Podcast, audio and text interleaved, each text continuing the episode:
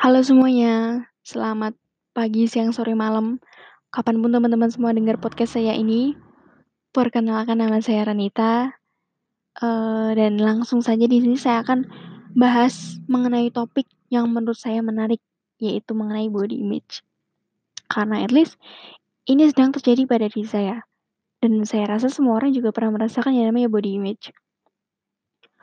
Uh, tapi sebelumnya, apa sih body image itu? Jadi secara singkatnya body image merupakan pandangan seorang mengenai penampilan badannya di hadapan orang lain.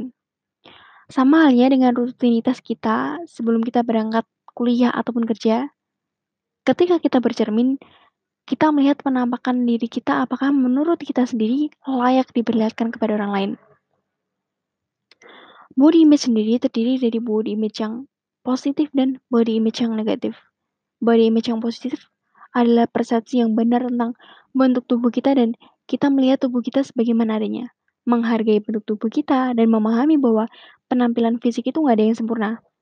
Dan berakhir pada penerimaan. Merasa bangga akan tubuh yang kita miliki karena kita merasa sesuatu yang berbeda dari diri kita itu unik. Kita merasa nyaman serta percaya diri. Sedangkan body image yang negatif adalah kebalikannya yaitu persepsi yang salah tentang tubuh kita di mana kita selalu pandang tubuh kita itu ada aja kurangnya. Kita anggap bahwa ukuran tubuh, bentuk tubuh itu nggak ada yang menariknya dan nggak sesuai dengan stigma yang kita inginkan. Akibatnya kita merasa malu, nggak percaya diri, insecure, bahkan depresi. Nah, penting bagi kita untuk menghilangkan persepsi-persepsi negatif tentang kekurangan di tubuh kita. Misalnya kalau ada jerawat, yang sebenarnya itu wajar. Tapi stigma orang-orang yang bilang gini, "Ih, kamu jerawatan. Ih, kok kamu jerawatan sih?" Ya yang kadang perkataan itu seakan-akan mereka jijik dengan jerawat yang ada di wajah kita. Ya yang namanya jerawat itu wajar.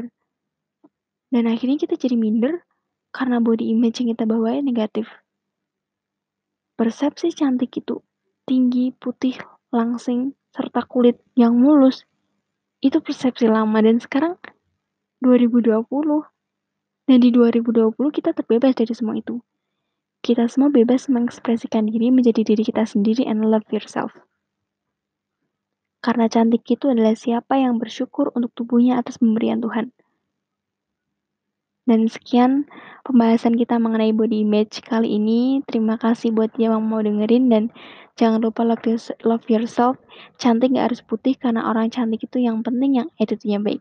Dan sampai jumpa di podcast selanjutnya.